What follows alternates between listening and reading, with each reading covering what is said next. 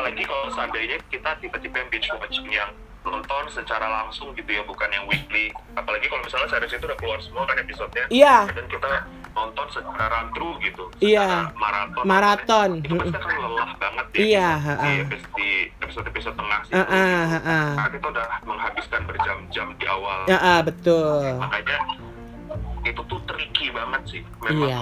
ya nulis penulis itu harus sekuat itu dia punya ide jadi memang ketika dia desain desain skenario itu itu memang dia harus meletakkan oke ini titik nyantol di sini titik dalam tanda kutip itu penonton dibuai seolah-olah nggak ada masalah dan dikasih jeder masalah lagi Mm-mm.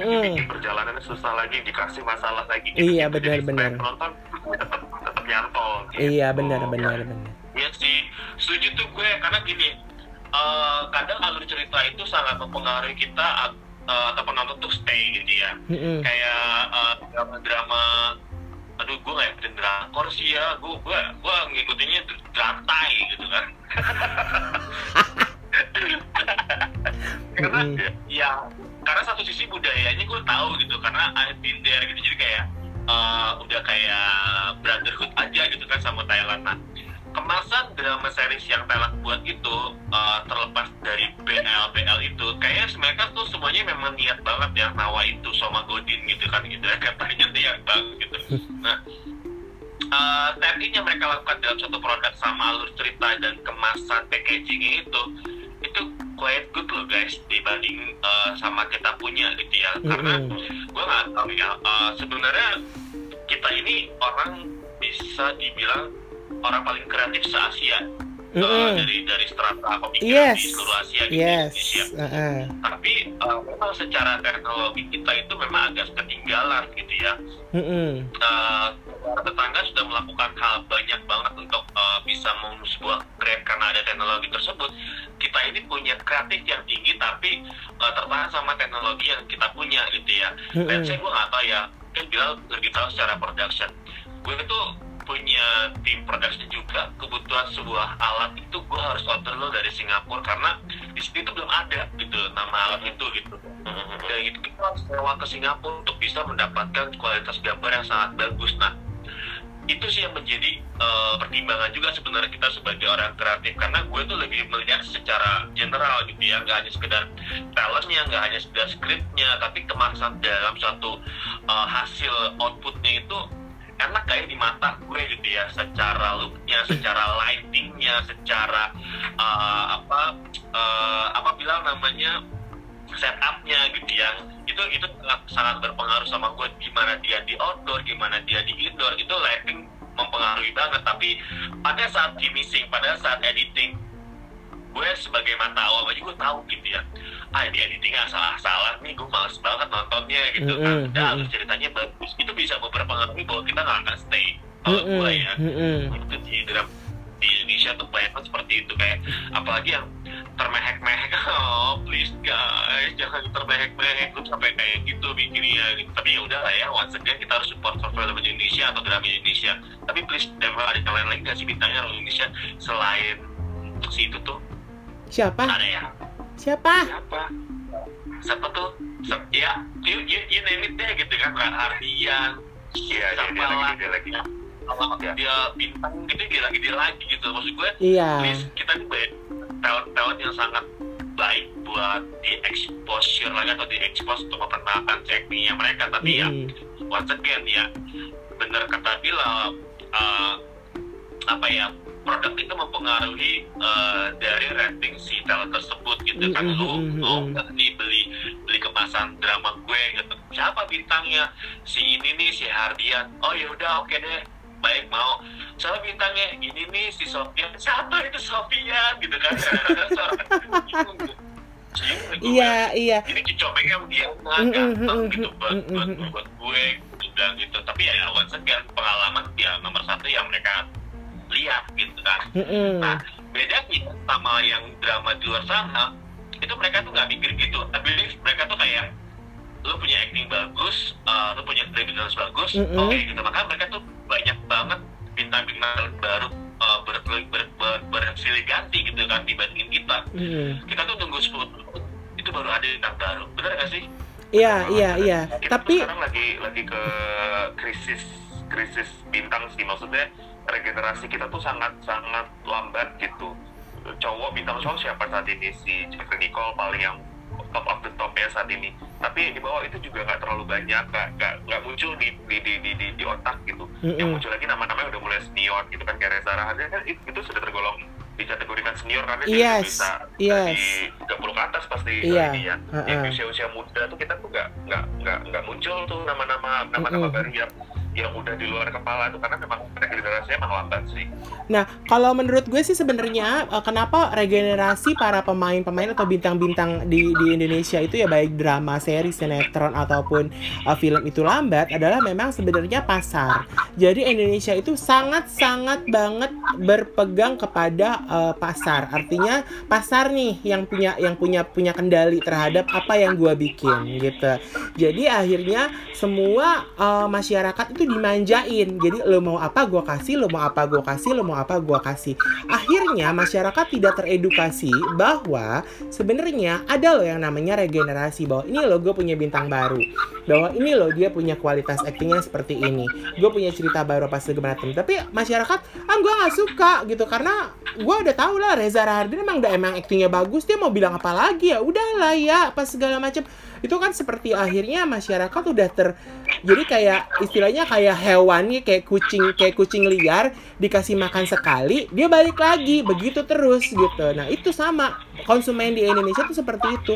Dikasih satu keenakan minta terus yang itu terus itu terus itu terus dan itu terus gitu. Dan itu itu menurut gue akhirnya juga rumah produksi kenapa mengalami banyak kesulitan dalam segi cerita ya secara teknis.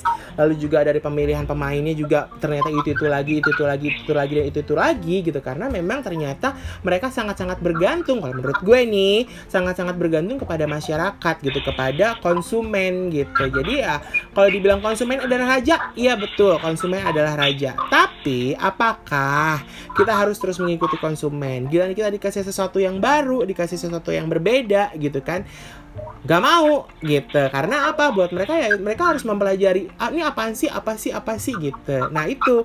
Itu sih salah satu kelemahan yang kenapa akhirnya kita bisa dibilang kita kalah dengan Korea ya negara-negara Asia entah dengan Thailand atau mungkin Justru malah kayak dalam dunia film aja, Iran adalah termasuk salah satu negara penghasil film yang terbaik juga di Asia. Artinya adalah Iran tuh banyak banget film-film yang banyak meraih penghargaan ya gitu kan. Jadi Iya tuh Iran. ah ah, gitu.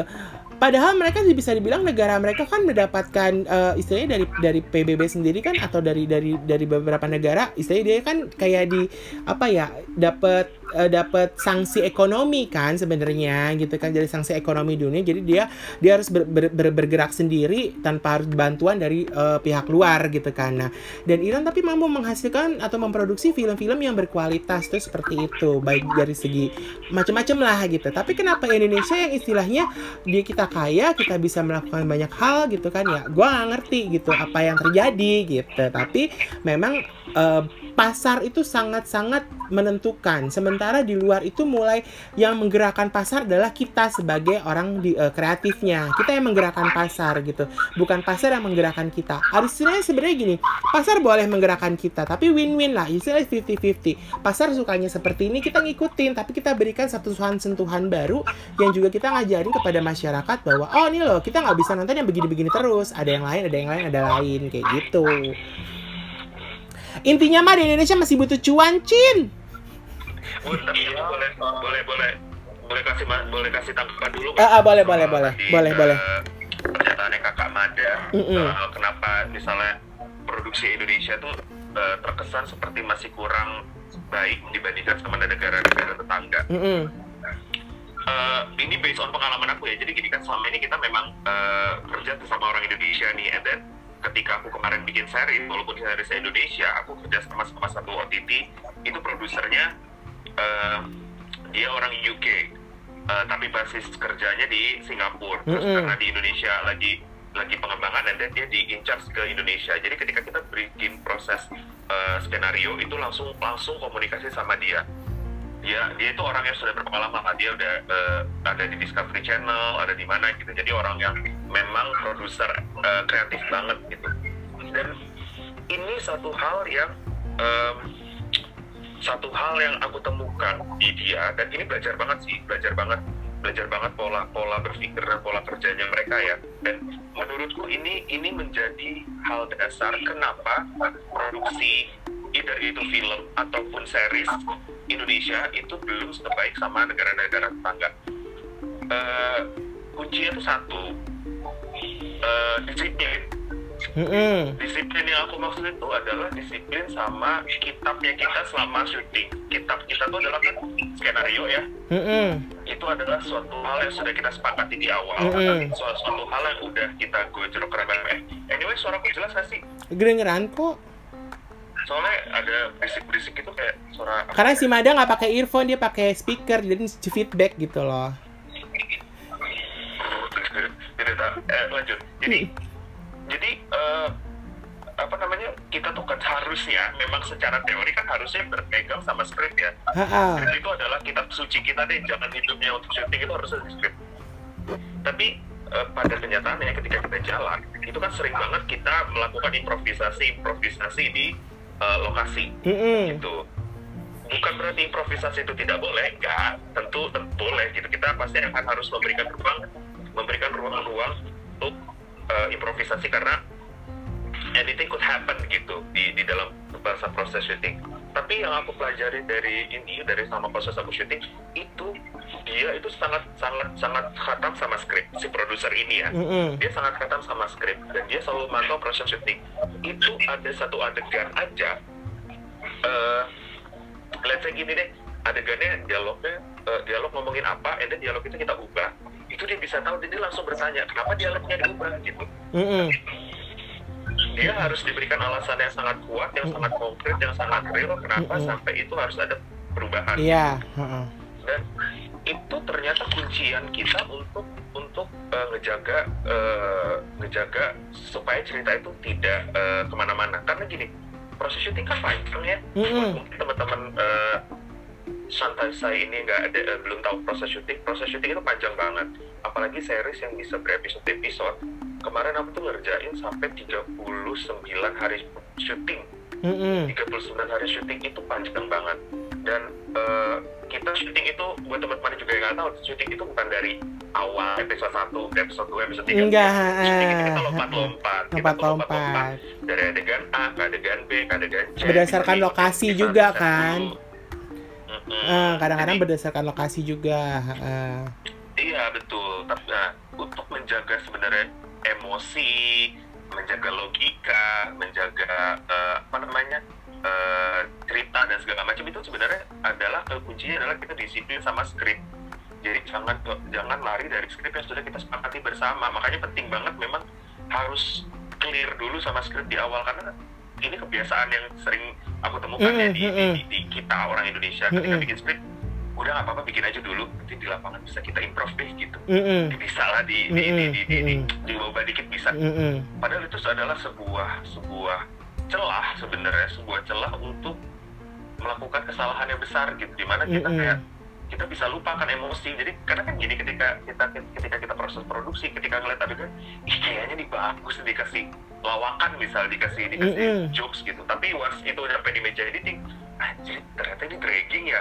Harusnya secara emosi ini lagi dramanya lagi naik. Iya. Dan tiba-tiba kan ada Mm-mm. jokes jadi drop banget gitu. Tapi Mm-mm. kita nggak sadar karena kita proses syuting kan kepotong-potong kan gitu. Dan lagi tips gue gak pernah nonton sinetron. Atau apa pun itu serial Indonesia. Eh kecuali gue nonton sih serial kita yang khusus itu di channel itu oh di channel itu. Iya. Gua tahu tuh. tapi, tapi gue nonton sebagai pertandingan ya maksudnya gini. Alur ceritanya gue suka end up uh, uh, syutingnya gue suka light terus uh, humanis terus Indonesia banget gitu kan. Cuma aktornya kurang suka walaupun aktornya tinggal di sini sih di Kalcit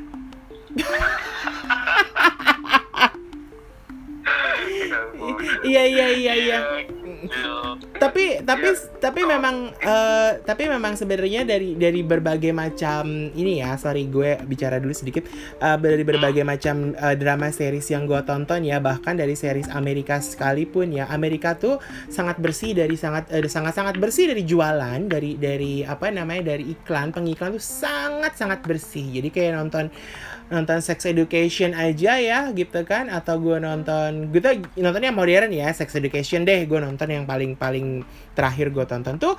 Mereka sebenarnya tidak menampilkan satu produk yang eh, sangat apa ya sangat sangat kasar gitu untuk dia jual. Jadi kayak misalkan dia memang harus ke supermarket karena dia dibeli disuruh mama ibunya untuk membeli sesuatu dan ada satu produk yang dimasukin ke keranjang jebret udah gitu doang. Dan sekali gitu.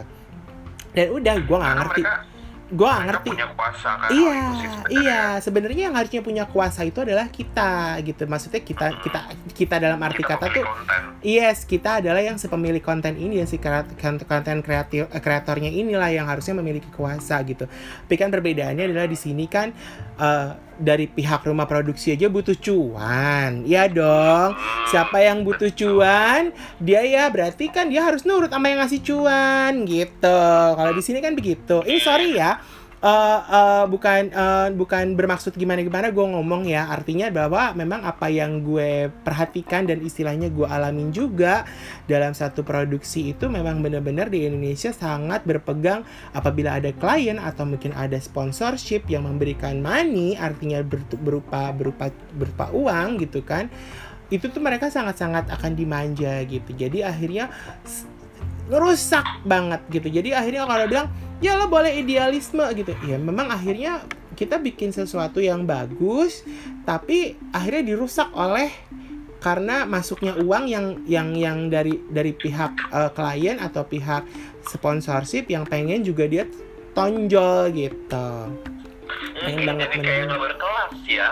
Itu gue itu sebenarnya bisa kalau kalau aku bisa kasih tanggapan sebenarnya itu eh, hal ini bisa muncul karena kenapa? Karena eh, terutama Hollywood ya kita ngomongin konteks Hollywood mereka tuh kuat secara kapital gitu. Mereka ketika mereka bikin ada nggak ada sponsor untuk build-in mereka tuh udah siap secara kapital secara Mm-mm. pendanaan itu mereka sudah ready. Jadi ketika mm-mm, once ada produk yang masuk mereka punya nilai tawar yang kuat gitu. Mm-mm. Gitu, ada lu juga gue tetap jalan kok gitu. kalau lu Mm-mm, ada ya ayo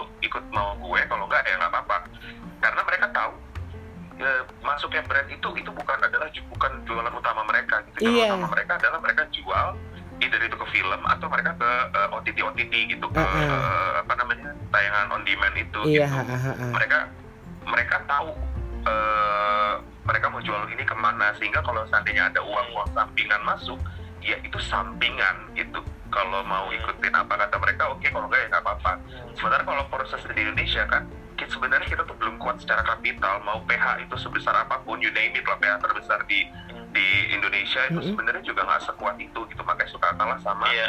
sama brand gitu. Kenapa Mm-mm. karena even mereka kuat secara kapital mereka jualan itu film atau itu series kita belum ada jaminan untuk eh, eh, eh, kembalinya gitu. Dan belum ada belum ada jaminan untuk untungnya karena kita belum punya belum punya sistem pro- eh, industri kan. Jadi Iya, sebenarnya agak-agak sulit ketebak. Makanya kenapa mereka Atau kira mungkin eh, ya atau makanya kenapa ya, bergabung bilang- sama brand Ah, eh, ini kita kan bentrok ya. ayo Mada dulu Mada dulu. Mada dulu coba apa? Iya iya iya. Ya atau mungkin gini eh, ini once again gue kan eh, sebagai sales gitu ya eh, kekuatan itu sebenarnya ada cara kita penyampaian atau bikin timeline sebuah eh, produksi gitu ya. Mm-mm. Eh, kayak kita harus bisa benar-benar meminimalis eh, apa ya eh, perkembangan suatu produksi atau suatu scene yang yang akan kita kerjakan. Mungkin kalaupun memang ada produk yang masuk eh, itu sih bagusnya sebelum produksi itu dimulai gitu ya Mm-mm. jadi dari mulai proposal dan dari mulai eh, proses eh, apa ya proses kreatif itu mungkin itu mungkin bisa bisa bisa kita jual tapi pada saat udah masuk produksi mungkin produksi ada ada Udah nggak bisa jual. reading pemilihan talent itu semua sudah clear kalau kata gue ya itu Iya. jadi kayak kita uh, benar-benar meminimalis uh, produk yang masuk di di dalam uh, perjalanan sebuah produksi Mm-mm. itu gue bakalan gak terima sih kalau gue jadi pro- produser gitu ya. Karena gue pernah jadi satu produser uh, di uh, pekerjaan gue udah jadi sales gue jadi produser juga tiba-tiba uh, proposal gue itu baru direspon nih salah satu produk. Terus gue bilang gini uh, sorry uh, bu kita udah masuk proses reading. Karena proses reading itu gue itu udah final gitu ya. Gue nggak mau ilustrasi bayangan gue sebagai produser itu hancur tiba-tiba hanya sekedar cuan yang angkanya memang sangat menggoda buat gue tapi uh, estetika gue itu mau mempertahan, mempertahankan klasik dalam produksi itu itu yang gue tingkatkan. Dan akhirnya gue gue kasih pengertian ke mereka. Boleh tag in tapi di akhir gimana? Gue gue akan kasih lu spot tapi terakhir gue nggak mau satu adegan ini tiba-tiba harus harus masuk uh, satu minuman yang memang uh, sangat sangat engage banget sama produksi gue gue bilang gitu kan iya mas bisa nggak sih? Gue mau banget ya tadi ini produk-produk gue dia bilang gitu kan. Iya masalahnya gue udah proses reading gue bilang gitu. Gue kalau udah proses reading gue udah males gue bilang gitu. Uh, bukannya gue menolak rezeki tapi memang memang ini harus gue jaga. Karena gue mau membangun mood ambience uh, penikmat TVC gue ini uh, enak gitu. Dan karena ini ada sisi humanis gue kepengen nge-build uh, nyentuh uh, apa uh, followers gue itu kena gue bilang gitu kan nah akhirnya mau nggak mau mereka memahami dan mereka akhirnya uh, gue masukin di slot akhir dan endingnya itu keren banget sih jadi mereka kayak oke oke gue ngerti gue ngerti nah edukasi ini yang harus disampaikan kepada Mm-mm. para sales Mm-mm. untuk bisa memberikan bahwa produk itu bisa masuk dengan bla bla bla bla jadi nggak nggak hanya langsung terima tangkap masuk itu sebenarnya sebagai sales harus memahami itu sih kalau buat Mm-mm, gue mm-mm. seperti itu sih Bukan Iya, sistem tangkap lalat ya. itu harus punya ya sales itu memang harus punya apa ya namanya eh, knowledge tentang kreatif itu sendiri gitu karena banyak juga sales yang suka sukanya tuh kayak nggak peduli sama kreatif kayak gimana caranya nih produk bisa masuk aja mereka tuh Mm-mm. bisa bisa bisa, bisa, Eh, bisa Iya. mas- Tapi memang biasanya gitu sama Eh, kreatif. tapi memang biasanya juga ya yang yang akhirnya dilihat adalah memang eh, ketika para pemilik atau mungkin para BOD BOD dari suatu perusahaan apa rumah produksi itu juga butuh eh, uang juga gitu. Jadi mereka butuh ya ada masukan, ada masukan. Jadi mereka ada pemasukan sebelum barang yang mereka jual itu eh, dilempar ke pasaran, mereka udah punya uang gitu untuk membantu produksinya juga itu mungkin juga salah satu alasannya mereka gitu cuman kan kita nggak pernah tahu gitu kan sebenarnya maunya tuh kayak gimana gitu karena ya itu tadi kelemahannya adalah banyak banget hal-hal yang eh, istilahnya secara dipengaruhi karena cuan itu akhirnya merusak merusak dari satu eh, sebu- eh, satu karya kayak gitu kalau menurut gue Mm-mm. gitu Itu balik lagi sebenarnya masalah eh, ideologinya si produser sih maksudnya ya bagaimana produser ini bisa negosiasi itu tergantung bagaimana pahamnya dia tentang Mm-mm. si eh, karyanya dia ini Mm-mm, seberapa mm-mm, mm-mm. seberapa dia bisa bernegosiasi akan Mm-mm. karyanya sih Mm-mm. jadi memang ada Iya. tangan produser itu sebenarnya Iya, tapi nah Mm, ma- betul, makanya betul, kan betul. beberapa produksi uh, film-film Hollywood kan sekarang banyak mereka tidak tidak mereka tidak mena- tidak menarik para uh, sponsor atau mungkin para uh, yang mencoba untuk mensponsori sebuah film mereka bukan nyari sponsor tapi mereka lebih ke penyari investor makanya kan dalam satu film Hollywood itu kan ada banyak misalkan ada uh, PH-nya ada uh, production uh, production uh, production company-nya lalu ada uh, pendanaannya itu kan pasti ditampilin di awal rumah produksinya apa bla bla bla bla bla dan itu memang adalah mereka-mereka yang memang me- mendanai film-film tersebut dan mereka juga bekerja untuk film tersebut seperti itu. Dan akhirnya kan kemarin Ame- Hollywood itu, Hollywood itu banyak itu sebenarnya narik investor Iya, Cina tuh. Gitu ya Ya, itu kan yang sebenarnya aku bilang eh, bahwa mereka tuh secara kapital kuat karena mereka tuh eh, sistemnya co-production Iya, Eh, Iya, corporate. memang karena? Dan mereka tuh memang udah ada orang apa perusahaan-perusahaan memang yang kayak kerjanya tap in aja di beberapa produksi gitu. Di gue punya duit gue masukin, gue punya duit gue masukin. Mm, mm, mm, mm. Sementara kan di, di di Indonesia sendiri itu belum terlalu eh, common co-production walaupun sudah ada nih maksudnya gerakan co-production itu sudah mulai sangat di eh, jadi berkolaborasi antara PH besar dan PH rumahan lalu mereka sharing eh, eh, eh, apa budget lalu sebuah apa misalnya media tap in ke itu gitu. Ya tapi ya gitu memang eh, apa namanya banyak dari perusahaan-perusahaan atau investor yang besar itu mereka mungkin masih belum terlalu paham karena di Indonesia kan belum belum terlalu banyak rumahan eh, rumah produksi atau perusahaan yang memang mengkhususkan dana mereka diinvest ke film-film tuh sehingga mereka tuh masih belum tahu bagaimana pola bisnisnya film, bagaimana cara menghitung keuntungan film beda sama bisnis-bisnis yang Lain. konvensional pada umumnya Mm-mm, gitu ya memang sudah mm-mm. hitungan Iya, jelasnya iya, iya. film Iya. kan itu atau series itu kan bisnis kreatif yang hitungannya itu agak tricky bisa dihitung tapi agak tricky gitu memang butuh butuh orang yang punya apa ya namanya intensi yang kuat gitu bahwa dia mau invest ke eh, film atau series gitu Iya, betul. Cu- Ya memang yuk, masih casting aja yuk siapa tahu aja ya kan Iya iya bener bener bener. itu para para bintang-bintang Indonesia Ya udah deh. eh, Apa apa apa lagi?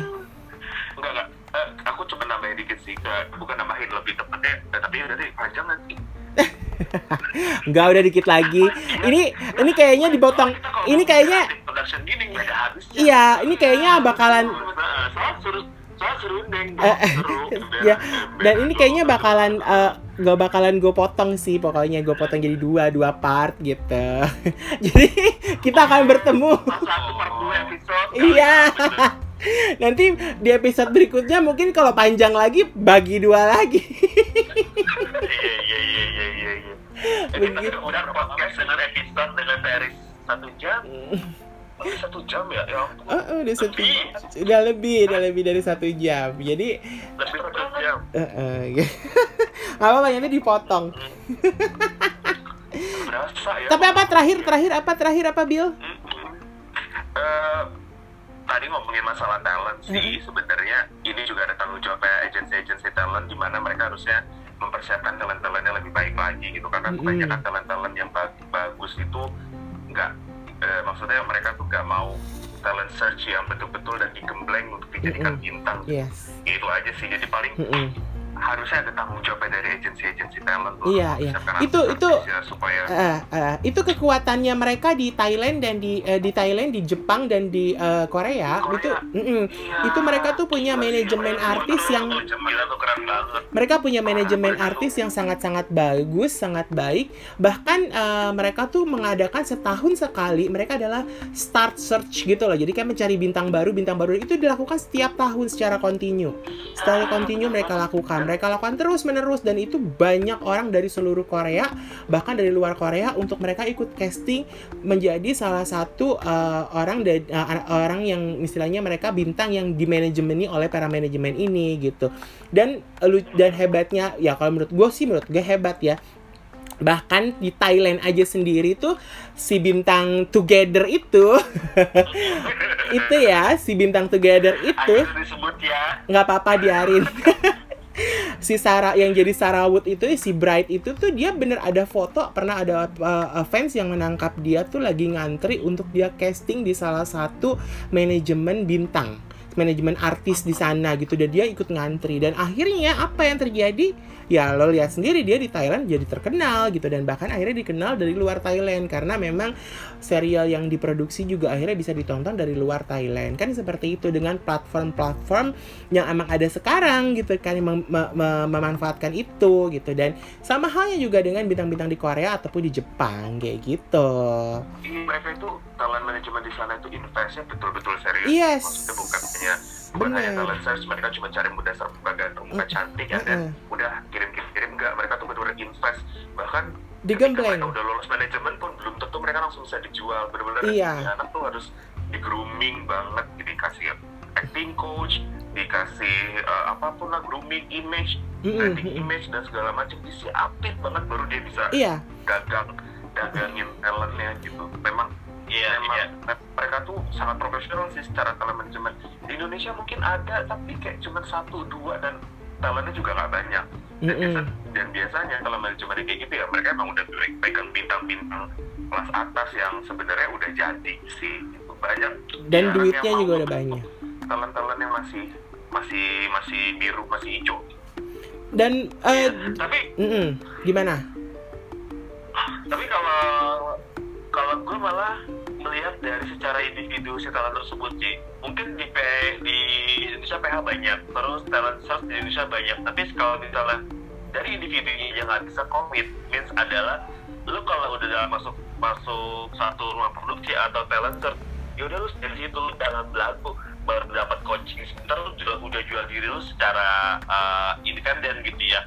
Itu banyak banget lo bilang. Dan gue tuh kadang suka nggak suka yang sama yang kayak gitu. Misalnya uh, gue nemu talent nih pagi tuh pas casting uh, dirimu dari mana? Enggak kok aku independen. Karena gue database itu dia udah udah kontrak dengan talent search misalnya "Loh, kamu bukannya kontrak enggak kok aku independen mas dia bilang gitu.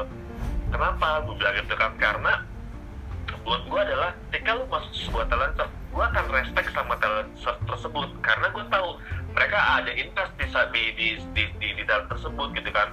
Dibeliin coaching dibeliin makan dibeliin baju bagus untuk casting gitu kan. Di, dikasih arahan dikasih link gitu kan. Nggak lu udah datang ke sini karena gue yang spread informasi untuk cari talent ya gue akan spreadnya ke talent nggak nggak nggak secara independen gitu. Karena gue tuh pengen uh, megang itu ya talent search ini yang gue pegang bukan bukan secara independen yang gue pegang. Nah perihal ini di Indonesia talent itu kalau udah dapet angin sedikit songong bingung gue Iya, iya. di kontrak sih kalau Iya. seandainya manajemen itu cukup strict sama kontrak dan jelas posisinya ada di mana Mm-mm. jadi si manaj- si talent itu sebenarnya eh, tahu posisinya sebagai apa kan cuman kalau di kalau di Korea misalnya mau dia sestar apa pun di di name it BTS eh, Blackpink atau apa mereka tuh semua udah sestar itu masih nurut sama masih nurut sama manajemennya apa pun kata manajemen mereka nurut karena mereka terikat sama kontrak kan mereka bisa menyalahi kontrak Iya. karena mereka nggak nurut gitu Satu kontrak dan juga ini dan juga adalah gimana mereka menggembleng para calon bintang ini ketika nanti mereka akan jadi seorang yang terkenal atau mereka menjadi stars,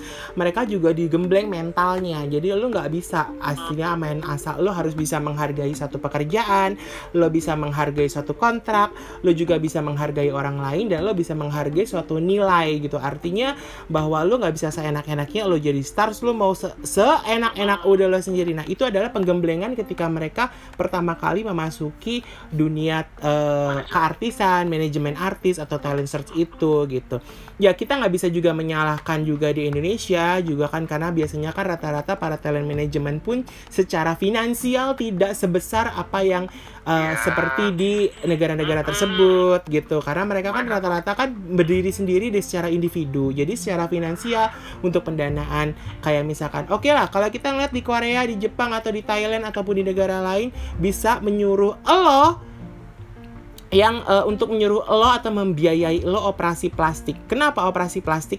Karena memang dia perlu untuk operasi plastik. Jadi kita nggak bisa menutup mata bahwa operasi plastik itu diperlukan. Karena untuk apa? Untuk kepentingan dia juga, untuk ngejual dia juga.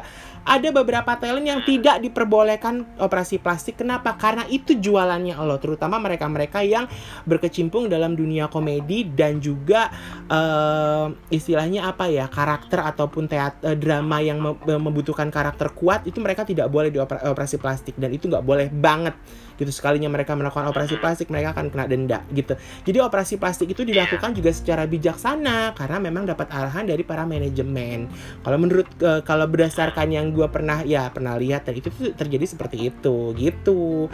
Kalau di sini kan boro-boro membayarin taksi aja eh kamu ini dulu deh nanti eh, taksinya pakai duit kamu dulu apa gimana reimburse segala macam reimburse sana keluaran sampai tiga bulan. Iya bener banget iya iya bener iya kan gitu. Jadi jadi kalau, di luar negeri itu masuk dalam manajemen. Tuh sebenarnya mereka memang digembleng tapi mereka tuh di mereka tuh safe dalam tanda kutip ya. Yes. Ya udah mereka akan benar-benar diurusin Heeh. mereka tuh dibentuk menjadi sebuah produk. Heeh. di Indonesia itu mereka tuh manajemen itu kebanyakan hanya sebagai agensi buat nyariin job doang. Heeh. Heeh. kebanyakan ya kebanyakan buat nyariin job bukan bukan membentuk Membentuk uh, mereka. membentuk si Heeh. talent ini untuk menjadi sebuah produk Heeh. yang payah jual sebenarnya. Heeh. dan mereka tuh digaji ya. mereka tuh digaji dari mereka tuh udah gak mikirin pajak. Jadi pajak itu memang udah harus diurusin sama manajemennya pengurusan penggajiannya mereka bagaimana kalau misalkan dan uang sakunya mereka seperti apa. Termasuk Yes. juga dapat mobil. Mereka mereka mau beli rumah secara pribadi oke duit gua udah cukup. Aku boleh nggak beli rumah dengan duit yang aku punya gitu kan? Dia nanya dulu sama manajemen. Oh duit kamu cukup kok kalau mau beli rumah? Sok silahkan belilah rumah gitu kan? Seperti itu kan juga boleh. I- memang karena manajemen itu memberikan keamanan buat mereka sih sebenarnya. Kalau di sini memang ya itu tadi. Ya itu tadi lah sebenarnya kalau di Indonesia kita bukan tidak bisa bukan gimana ya kita tidak bukan menjelek-jelekan tapi memang dari segi secara secara realitanya realita gitu. eh, realita. Dan kesimpulannya adalah memang di Indonesia itu masih butuh yang namanya uang. Artinya segala sesuatu itu tidak bisa dibikin eh, istilahnya gimana ya mereka masih benar-benar butuh uang baik dari segi para investornya juga butuh keuntungan para produser produsernya atau eh, rumah produksinya juga harus mencari keuntungan para artis juga mencari keuntungan dan semuanya tuh pengennya nyari untung semuanya dulu gitu. Jadi nggak ada nggak ada mereka dengan tujuan yang eh, bahwa oke kita bikin aja dulu yang bagus atau kayak gimana kayak gimana kayak gitu. Itu sedikit sedikit Iya, sedikit iya. sedikit banget gitu yang ya masih bisa dihitung. Investasi ya. Mm-mm, investasi yang dalam bentuk karena kan buat gua kalau menurut gua adalah lo berinvestasi itu kan tidak sekali investasi lo langsung menang. Lo kan mesti berkali-kali berkali-kali berkali-kali. soalnya. Iya begitu. Gue banget tuh sama apa agensi Indonesia gue ke Hollywood sekarang. Ah? Hollywood. ke Hollywood? Ya kamu bikin film apa Gue gue nunggu panggilan gue di Indonesia sih. Eh, eh, eh, kalau eh. udah casting gue ke Amerika. oh lo panggilan Tuh. panggilannya pakai papan itu ya. Eh, panggilannya pakai papan jelangkung Gue sama siapa sama siapa Iko, udah Iko. oh gitu Oh, sama udah Iko. udah Iko apa Kokojo Cakep banget sih, gue mikirin banget Iko gue. Kalau kalau Iko White silat ya, eh, tarung gitu. Kalau gue jepong. gue. Misalnya kalau mau tunggu film jepong tunggu aja nanti. ya nggak ada yang tayang itu. iya Ya nggak ada yang tayang itu. Nggak ada produksinya kapan. Ya kan? Jepong gue. Ya. Ya Allah. ya udahlah kalau gitu ya udahlah teman santai ya. Kita waktunya juga udah eh, istilah kita juga udah, udah banyak banget kita ngobrol gitu. Intinya adalah eh, sebenarnya eh, kita bisa memajukan karya-karya eh, Indonesia ya. Artinya kita semua harus mendukung, mensupport dan eh, apa yang kita bahas di sini sebenarnya no offense juga tanpa tanpa artinya kita tanpa harus menyalahkan atau tidak ini kan sekedar informasi juga dan memang semoga juga uh, teman-teman santai yang dengerin tuh tahu bahwa oh ternyata memang membuat satu uh, produksi film serial ataupun apa tidak, tidak semudah kita dagang uh, di war, buka warung atau kita dagang gorengan seperti itu. Jadi Iya, jadi ya ini sekedar informasi gitu bahwa memang apa kenapa sih jadi dan ada juga dan cerita yang kita kita kita kita ceritakan di uh, podcast ini adalah memang karena pengalaman pengalaman kita ada juga pandangan-pandangan kita yang kita memperhatikan uh, pekerjaan kita yang memang berhubungan dengan bidang kreatif seperti ini dan kita juga ya berdasarkan pengalaman-pengalaman lah ya gitu dan yang sudah Iya, terjadi teman santai gak usah baper ya. Ah, ah, jangan Ini baper. diri. Ya kan? Yes. Jangan baper kalau baper nonton aja drama BL. Nah, ngomong-ngomong itu nanti kita bahas di episode berikutnya ya. Kita akan bahas kita akan bahas mengenai uh, ceritanya gimana, bintang-bintangnya gimana, lalu apa yang ya plus minusnya lah, lalu judul-judul yang memang udah kita tonton atau apa pun. Aku sudah tidak sabar. Jadi kita persiapkan materi kita masing-masing dulu. Yaudah teman santai. Aku mau temu kau dulu ya. Kau udah nunggu soalnya di bawah. Astaga. Tungguin aku nih barusan di sebelah. ya udah ah, udah mulai halu. Ya udah, ah, teman santai, sampai ketemu lagi ya. Oke, teman santai. Ada teman santai. Salam santai, shy. Santai.